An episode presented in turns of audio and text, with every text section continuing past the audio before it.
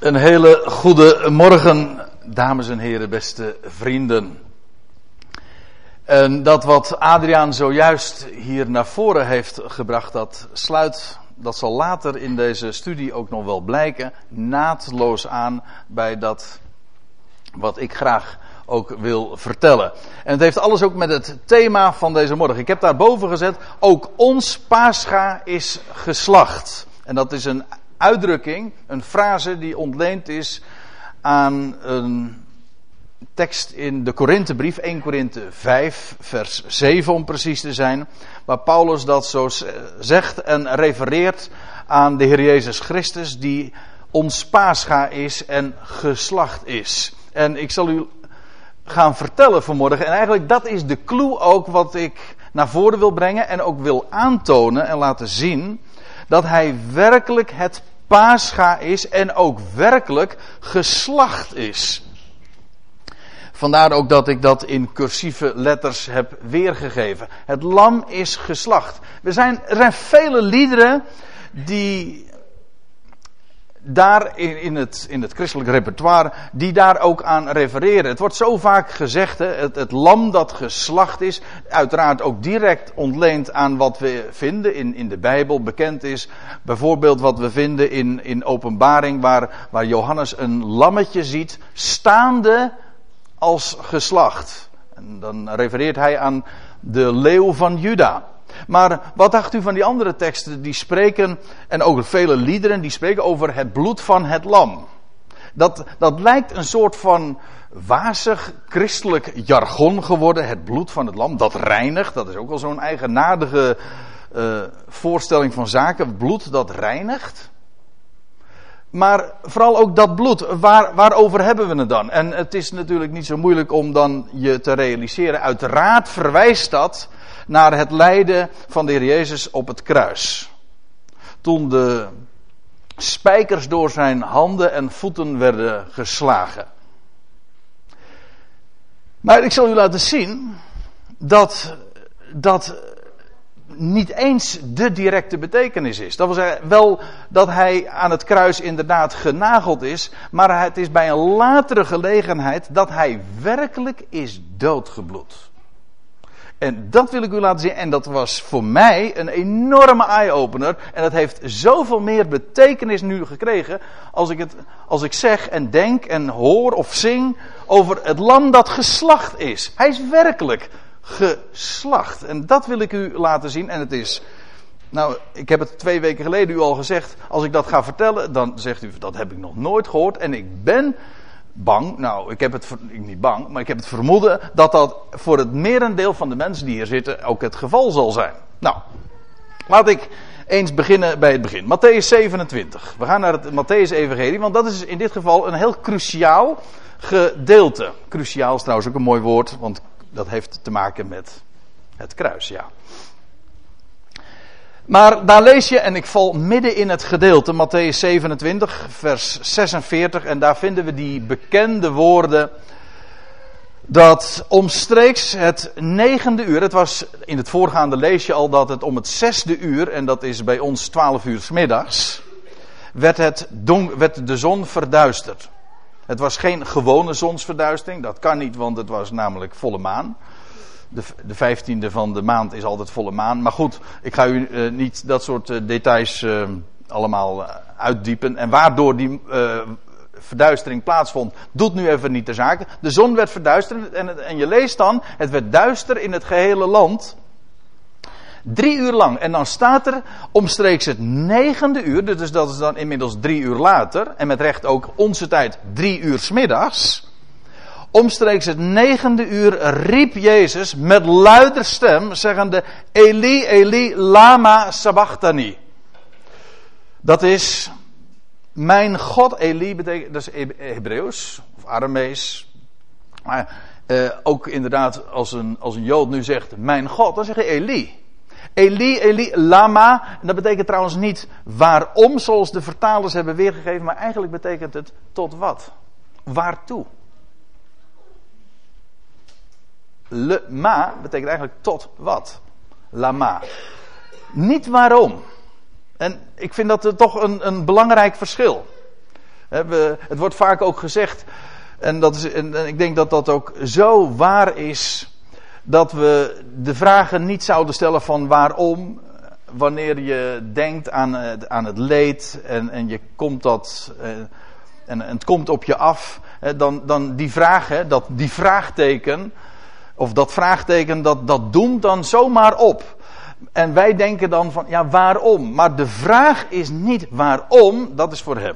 Maar de vraag is waartoe? Waartoe leidt het? Wel, dat is de vraag ook die de Heer Jezus stelde. Mijn God, mijn God, waartoe hebt gij mij verlaten? Of zoals andere vertalingen zeggen, waartoe hebt gij mij overgelaten? Dat wil zeggen, overgelaten aan mijn vijanden.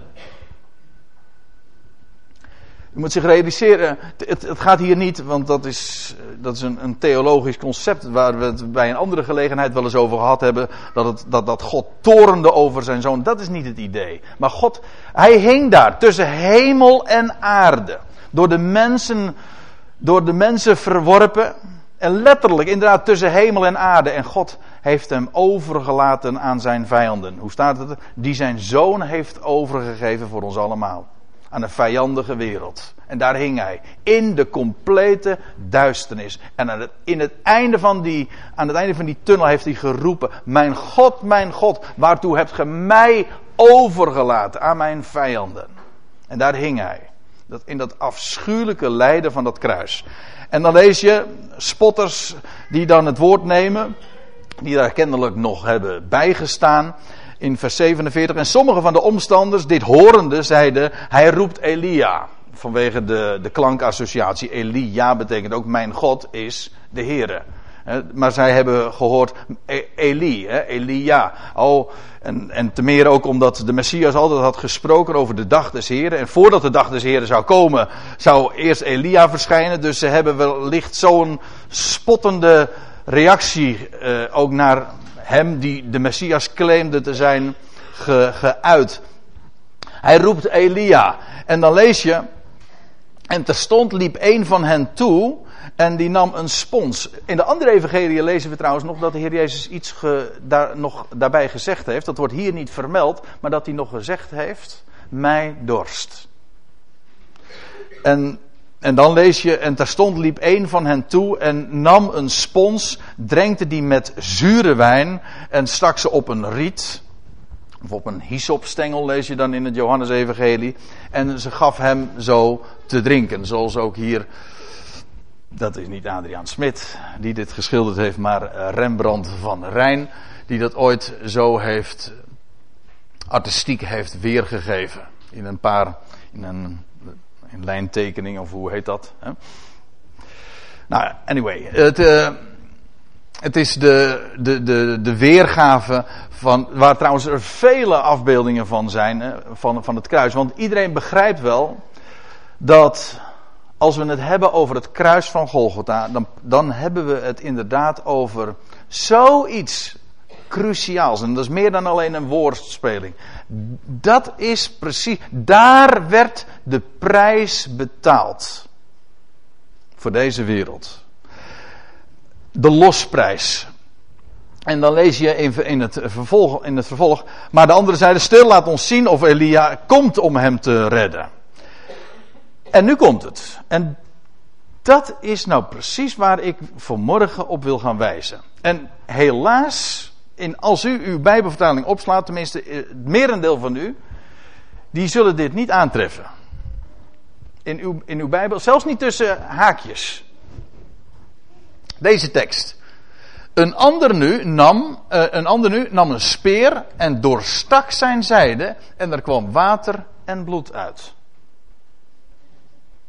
Terwijl, en dan vervolgens lees je, en Jezus riep wederom met luider stem en gaf de geest. Maar deze tekst, die is in vrijwel alle vertalingen verdwenen. En dat is zo tragisch, vind ik.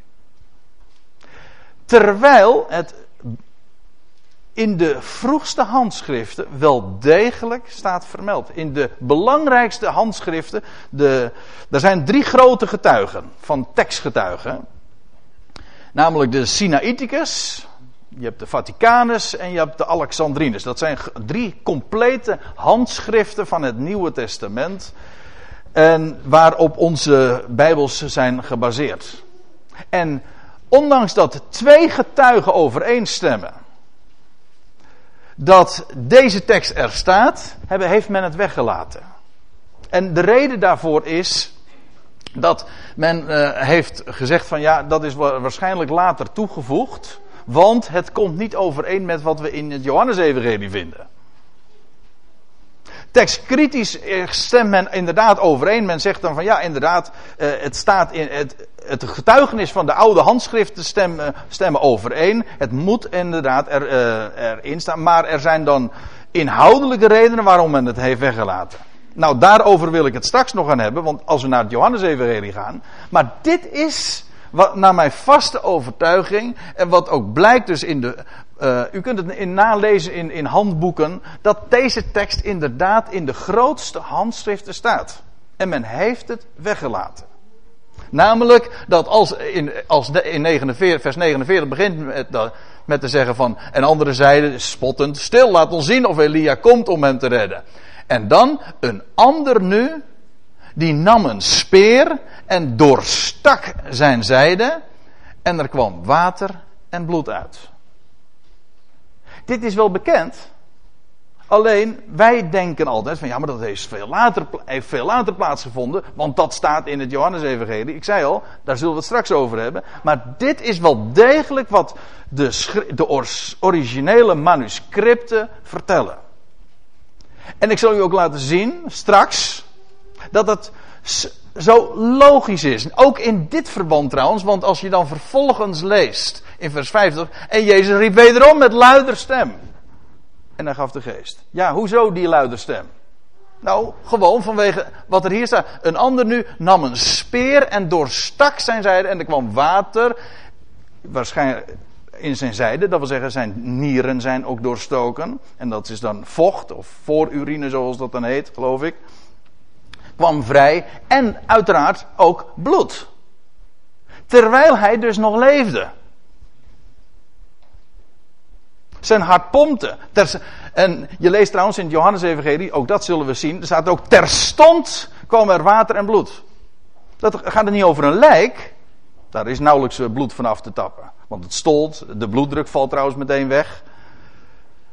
Nee, de Heer Jezus, hij is geslacht. Dat wil zeggen, een, een, een, soldaat heeft een speer genomen en zijn zijde doorstoken. En er kwam dus water en bloed uit. En dan lees je, en Jezus riep wederom met luider stem.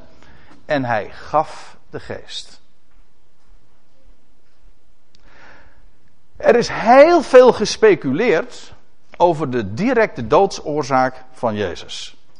Waarom? Het was, je leest ook in het Marcus-evangelie dat als dan eh, Jozef van Arimathea bij Pilatus komt om het lichaam te vragen, of hij daar beschikking over mocht hebben en om het, uh, om het te begraven, dan lees je dat Pilatus zich verwonderde dat hij al gestorven was. We zullen dat trouwens straks ook nog in het Johannes-evangelie zien. Jezus was veel eerder gestorven, want het uh, gekruisigde. Dus een, een, uh, het is de meest gruwelijke dood die, uh, die zich maar laat denken. Het is nog niet zo heel erg lang geleden dat ik een heel artikel daarover heb gelezen van dokter Smalhout. Daarover. Die heeft er ook een boek over geschreven. Over de medische implicaties van een kruisiging. Wat wat het betekent aan lijden. Dat is onbeschrijfelijk. Maar het duurde ook heel erg lang.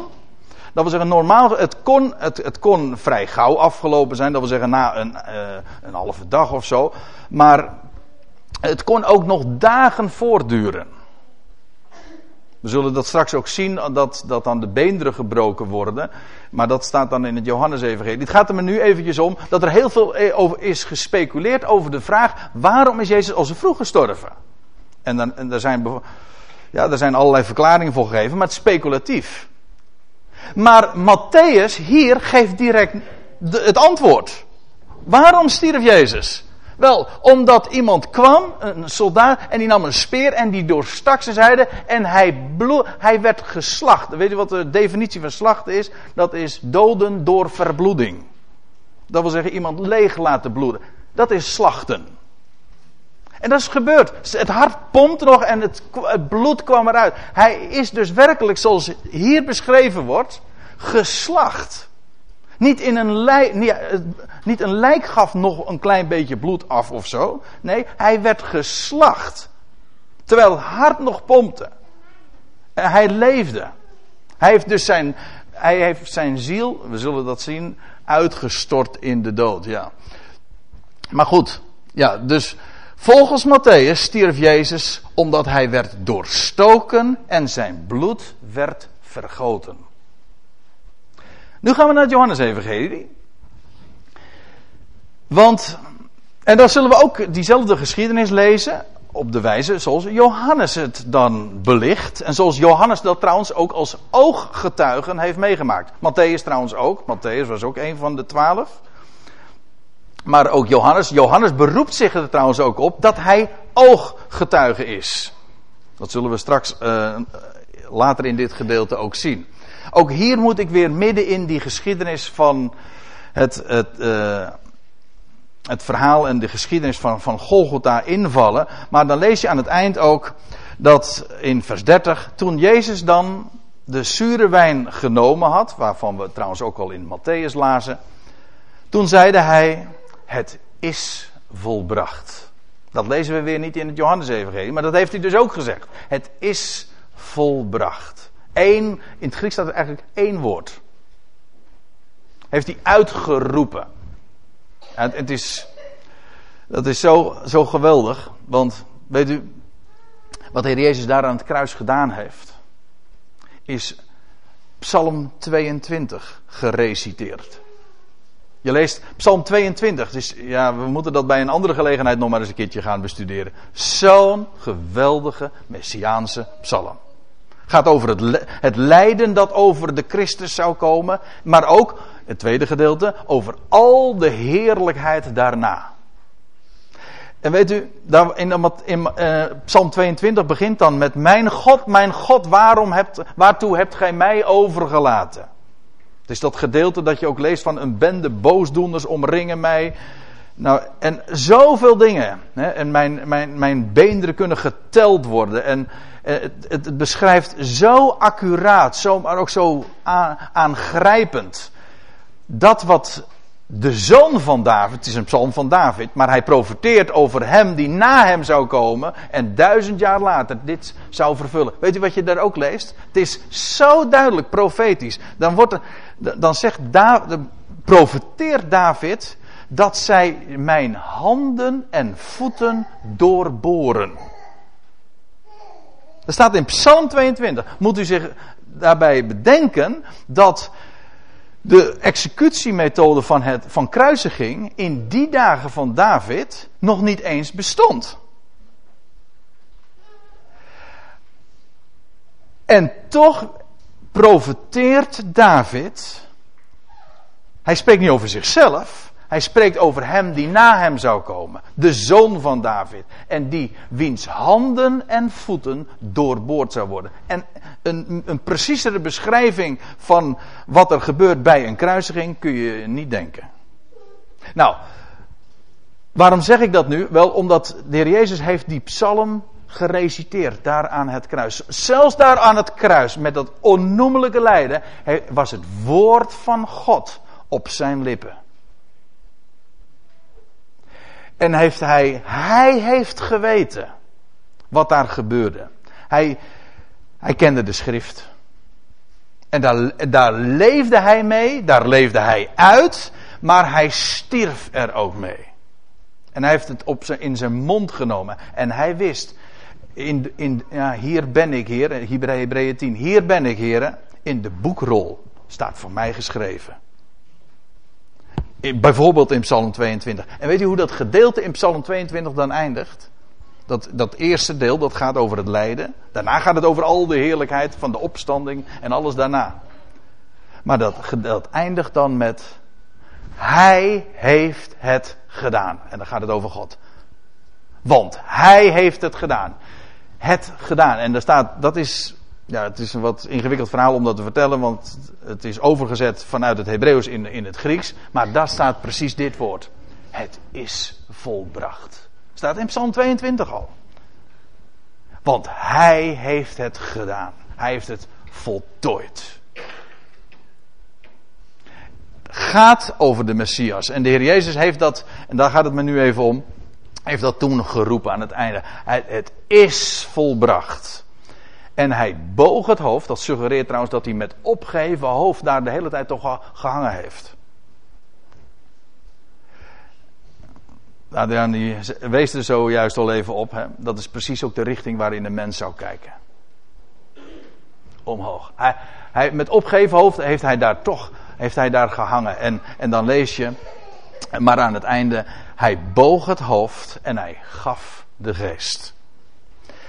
En dan volgt een, een nieuwe passage en dan lees je in vers 31, de Joden dan, daar het voorbereiding was en de lichamen niet op Sabbat aan het kruis mochten, mochten blijven, want de dag van die Sabbat was groot, die vroegen Pilatus dat hun benen gebroken en zij weggenomen zouden worden.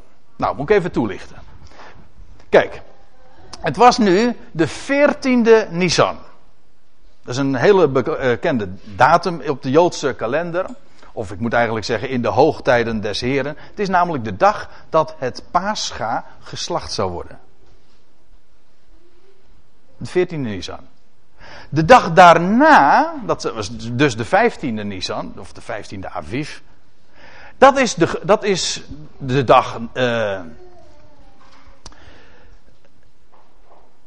Dat, dat was een sabbat. Dat wil zeggen, ongeacht, dat was de 15e, dat was een dag dat er geen slaafse arbeid verricht mocht worden. En God dus als een sabbat. Ongeacht in welke dag van de week het viel. Dus de 15e Nisan mocht er geen arbeid verricht worden. Dat was dus een sabbat, want sabbat betekent gewoon staken. Dat wil zeggen, je werkt niet. Vandaar ook dat het kan gebeuren dat je een paar sabbatten achter elkaar hebt. Dan heb je de gewone wekelijkse sabbat. En ook nog eens een keertje die sabbat van de 15e Nisan. Hè, want er staat hier ook, want uh, de Joden dan, daar het voorbereiding was, dat wil zeggen de dag voor het Pascha, voor, uh, de dag voor de 15e. De gro dat was een feestdag. Dan, dan begon officieel het feest van de ongezuurde broden. U kunt het allemaal nalezen in Leviticus 23. Daar worden namelijk al die data eh, beschreven en ook wat er zou gebeuren. En het is zo geweldig. Als je eenmaal weet waar het betrekking op heeft. Het gaat er nu even om. Het was de dag voordat er een grote sabbat zou aanbreken. Niet een gewone sabbat, nee, een grote sabbat. Welke grote sabbat? Nou, de 15e Nisan, namelijk dat het feest van de ongezuurde broden zou aanvangen. En de dag daaraan voorafgaand zou, werd, werd het lam, het paaslam, geslacht. Dat was de veertiende. Was deze dag. Nou, omdat de Sabbat zou aanbreken, in, u weet, de Sabbat, eh, de, de dagen worden zo gerekend in de, op de Joodse kalender, die vangt aan, of een dag eindigt gewoon op het moment dat de zon ondergaat. Dus voor zonsondergang moest het allemaal geregeld zijn. De Joden dan, daar het voorbereiding was en de lichamen niet op Sabbat aan het kruis mocht hangen, want de dag van die Sabbat was groot, dat wil zeggen het was niet een gewone Sabbat, het was een hele grote, bijzondere Sabbat. Die vroegen Pilatus dat hun benen, dat wil zeggen de benen van de gekruisigden, uh, en, uh, gebroken en zij weggenomen zouden worden. Hoezo? Nou, heel eenvoudig. Uh, op het moment namelijk dat de ik zei al, dat mensen aan het kruis konden soms nog dagen blijven leven. Maar dat mocht in dit geval absoluut niet. Dus voor de zonsondergang moest alles geregeld zijn en moest, moest, moesten de lichamen van, het, van de kruisen zijn weggenomen. Nou, om het, uh, over, om het stervensproces te versnellen, werden de benen gebroken. Dat wil zeggen, ja, dat kan ik je wel meteen even laten zien. Want dan lees je in vers 32, de soldaten die dan kwamen en ze braken de benen van de eerste en van de andere die met hem gekruisigd waren. Dat heet in het dat, dat heeft een speciale Latijnse naam, crurifragium. En wat er dan gebeurt, dat is een, dat is een afschuwelijk uh, ding wat men dan doet. Maar dan worden vlak onder de knieën, werden de werd de scheenbeen dus gebroken. Waarom? Wel op het, want dan kon de, degene die daar hing, kon niet meer zich oprichten om adem te halen. Nou, dan was het uh, in, in no time was het bekeken en dan stierf zo iemand aan het kruis. Dus dit was, dus het was niet eens een, een directe moord, maar daardoor kon iemand niet verder ademhalen en dan was het in zeer korte tijd met zo iemand gedaan. En daarom dus werden die beenderen gebroken. Die mensen moesten snel sterven. Dus er wordt aan Pilatus gevraagd om die benen te breken, zodat ze snel ook uh, van het kruis zouden konden worden genomen. Nou, die soldaten die voeren hun opdracht uit en ze breken de benen van de eerste en van die andere die met hem gekruisigd waren.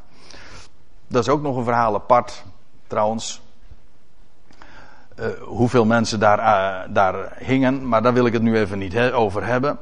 Ik, ik, wil eventjes op dit ene punt blijven focussen.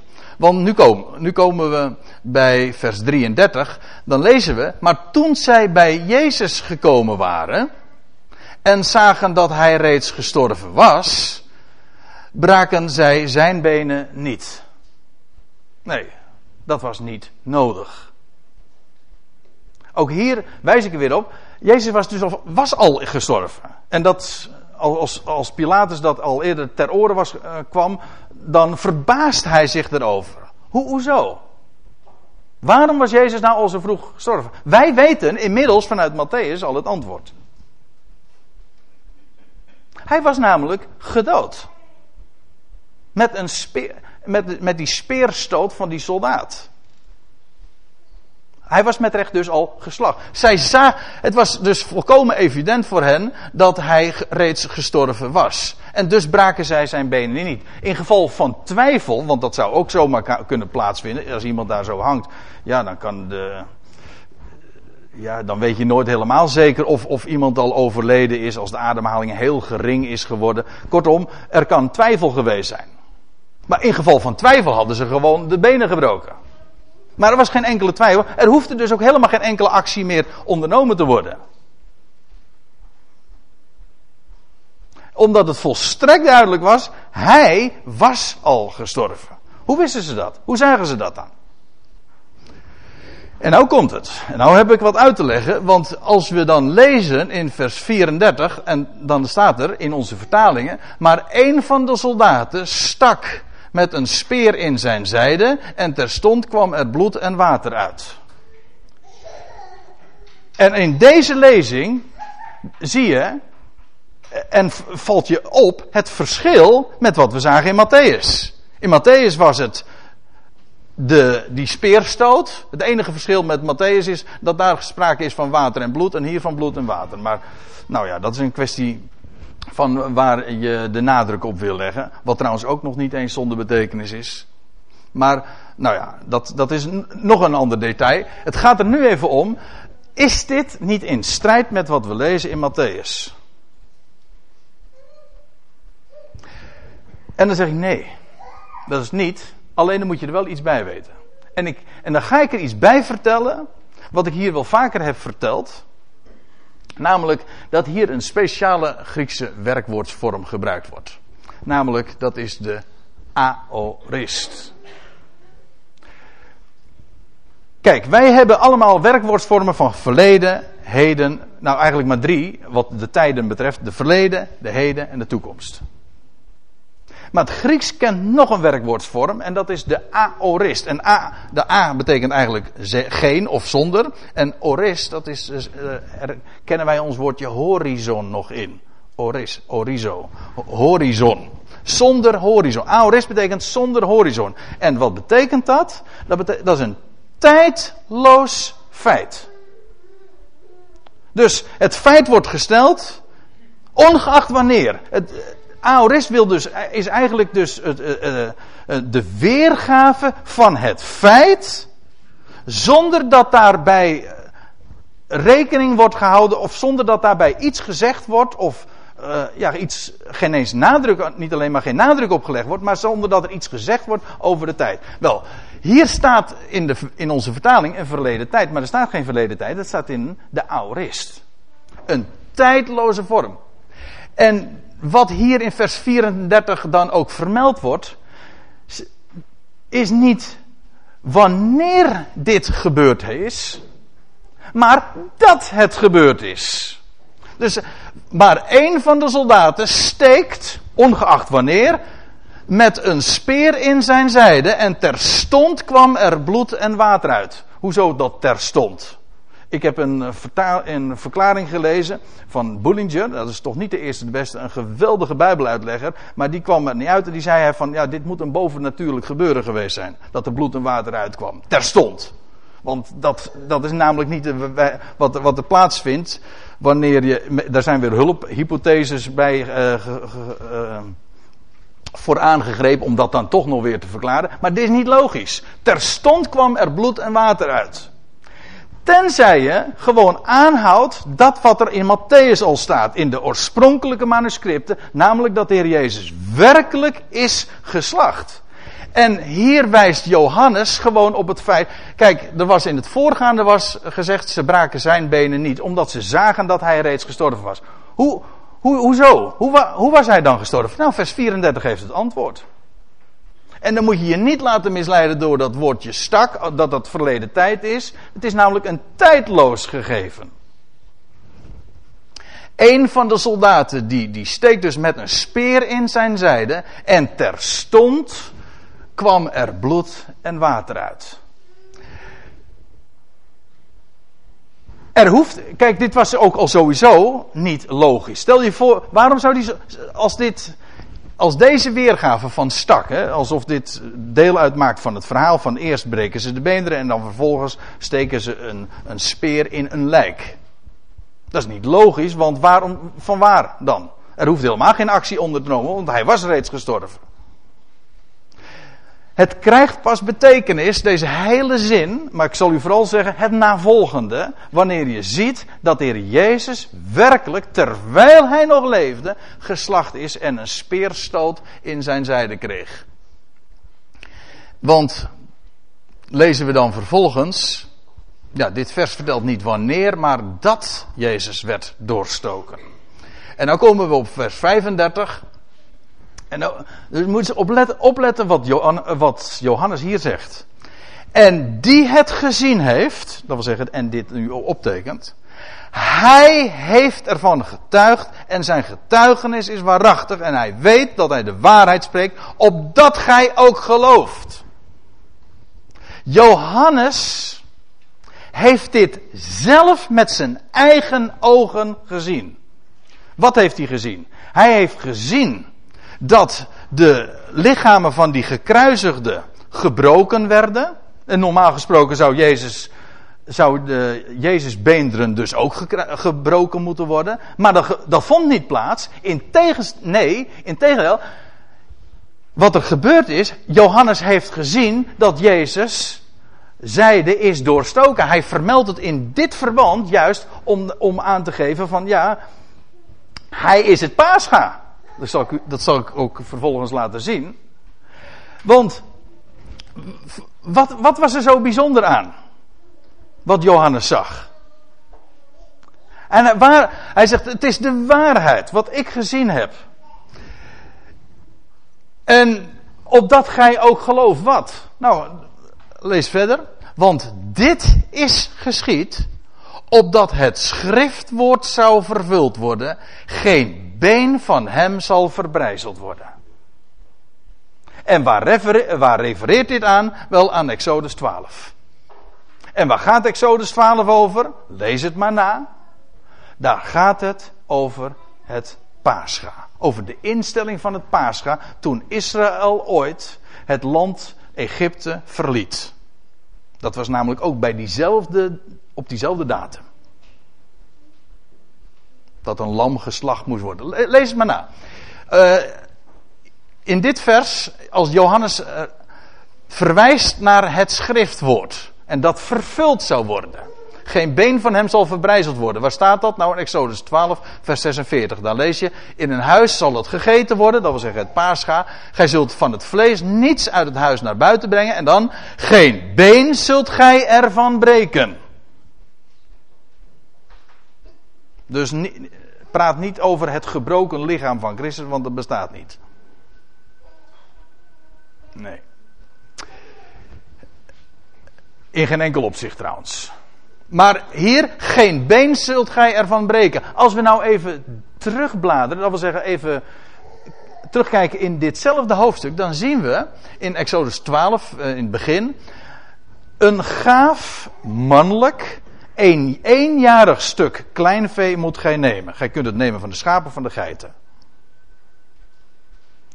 Dat moesten ze trouwens op de tiende Nisan in huis nemen. Maar daar hebben we het ook wel eens over gehad. Dat is de datum dat de Heer Jezus geboren werd. Het is ook de datum trouwens dat hij zijn intocht deed in Jeruzalem. Nou, dan moesten ze het lam in huis nemen. En dan lees je in vers 6: En gij zult het bewaren tot de veertiende dag van deze maand. Dat wil zeggen, deze maand Nisan of Aviv. En dan zal de hele vergadering der gemeente van Israël het slachten in de avondschemering. Tussen twee avonden letterlijk. Weet u wat hier staat? Dat er op 14 Nisan, toen de uittocht plaatsvond, op de 14 Nisan, in de avondschemering, het lam, een gaaf mannelijk lam, geslacht zou worden. En wat betekent slachten? Dat wil zeggen doden door het te laten leegbloeden. Dat is slachten. En dat is exact vervuld een paar duizend jaar later. Toen de Heer Jezus stierf op Golgotha. Oh, toen hij stierf, even na het, het, uh, het negende uur, dus drie uur s middags. Dat was precies het moment dat even verder, daar op het tempelplein, allemaal lammeren geslacht werden. In de avondscheem, tegen de avond. Het, het uur van gebed. Dan werden de lammeren, de paaslammeren, werden geslacht op het tempelplein. En exact op dat moment werd buiten de legerplaats, buiten Jeruzalem, werd ons Pascha geslacht. Precies op het moment dat het Pascha ook geslacht moest worden. Niet alleen het datum, maar zelfs het moment. Toen zou het Pascha geslacht worden. En Johannes zegt, ik heb het gezien. Het, ons Pascha is geslacht. Niet in een lijk is daar, uh, heeft er iemand nog postuum uh, een speer gestoken, waardoor er nog vreemd genoeg wat bloed vrijkwam. Nee, hij is geslacht. Precies zoals Johannes dat zegt. Terwijl het hart nog klopte, terwijl hij leefde, is hij gedood en is hij werkelijk leeg en doodgebloed. Ons lam is werkelijk geslacht en dan staat op het precies op de dag, sterker, precies op het moment dat het paascha geslacht zou worden. Duizenden jaren daarvoor had God dat al bij monden van Mozes laten optekenen en in beelden laten vastleggen. Dat is toch, dat kan geen mens bedenken. Zo is het gegaan. En dan lees je nog vervolgens, ja nou komen we precies uit waar Adriaan ook al op gewezen. Vervolgens zal men van het bloed nemen, staat er in vers 7. En dit strijken aan de beide deurposten en de bovendorpel, dat wil zeggen hier en hier. Aan die huizen waarin men het eet. Ja, weet u wat er eigenlijk gebeurt? Feitelijk, het bloed, dat wordt een deur der hoop. Ja, want Adriaan die wees er zojuist al op, op dat woordje dia. Maar ik, ik kan er nog iets over verklappen. Dat woordje dia is eigenlijk gewoon een Grieks woord. Dat, is, dat betekent door. En eh, ja, door is eigenlijk ook niks anders dan een deur. Iets waar je doorheen gaat. Het Engelse woord, door, is ons woordje. Eh, maar dat heeft allemaal met elkaar te maken. De deur. Eh, in, in, ergens waar je doorheen gaat, hè, zeggen ze in bepaalde plekken van ons, van ons lieve landje. Ergens waar je deur heen gaat. De, door, dat voorzetsel, is gewoon een opening waar je doorheen gaat. Bij ons is een deur gewoon de plank voor een gat, maar dat is niet de Bijbelse gedachte. Het is gewoon het gat zelf. Het is de opening. Dat is de deur. Deur, de deur staat altijd dus open. Nou, nee, ja goed. Een deur is een opening. Dat is het. en wat er gebeurt, dat bloed wordt vervolgens gesmeerd aan een deur. Het, wordt een opening. En dat betekende voor de Israël toen bij de uittocht, daar op die 14e Nisan, hoop. Want daardoor eh, ging die engel van die verderfengel aan hen voorbij en was er leven met recht na de dood. Terwijl, terwijl het dood en verderf gezaaid werd, was er leven. Waarom? Wel vanwege dat bloed van het lam. Dat een deur der hoop werd. Zoals God dat ook doet en deed met het dal van Agor. Ziet u, daar gaat het over. De Heer Jezus gaf zijn leven. Hij, is, hij gaf zijn ziel tot in de dood. Ja, want nu moet ik even doorlezen. Nog vers 37. We moeten naar die geschiedenis toe gaan. Ja, moet echt opschieten. En dan staat er nog. Zo eindigt Johannes dit, deze passage. En weder zegt een ander. Hij, hij citeert nu nog een schriftwoord. Zij zullen zien op hem die zij doorstoken hebben. Ja. En dat is dan weer een citaat uit Zacharia 12. Waar we lezen. Dat gaat over de toekomst. Ik zal over het huis van David en over de inwoners van Jeruzalem uitgieten uitgieten. Hè? De geest van de genade en der gebeden. En dan lees je. En zij zullen hem zien, maar dat kunt u wel doorkrassen. Als u een statenvertaling hebt, staat correct. Ze zullen mij zien, zegt de Heer. Ze zullen mij zien. Eh, en mij aanschouwen die zij doorstoken hebben. En over hem een rouwklacht aanheffen. Johannes haalt het ook aan in openbaring 1. Het gaat erover dat de Heer Jezus straks als, als Israëls Messias voor de inwoners van Jeruzalem zal verschijnen. En dan zullen ze hem zien die zij doorstoken hebben. De inwoners van Jeruzalem. En ze, ze zullen zien, ze zullen roepen, de Heere aanroepen en hij zal verschijnen. En wie zal het blijken te zijn? Degene die ze ooit hebben doorstoken. Die geslacht is. Geweldig gedeelte. Nou, Johannes haalt dit aan. Doorstoken. Maar nou moet ik nog even verder lezen. Oh, wacht even. Nou ga ik. Pardon. In Jesaja 53, dat moet ik ook nog aanhalen. Daar lees je. Ik had het zojuist over Psalm 22. Prachtige, zo bijzondere, goddelijke psalm waarin het, lijden van de Messias al voorzegd wordt. Maar wat dacht u van Jezaja 53? Dat zijn van die kroongetuigen van de Messias. Vers, 3, vers 7 er staat, hij werd mishandeld. En hij liet zich verdrukken. En hij deed zijn mond niet open.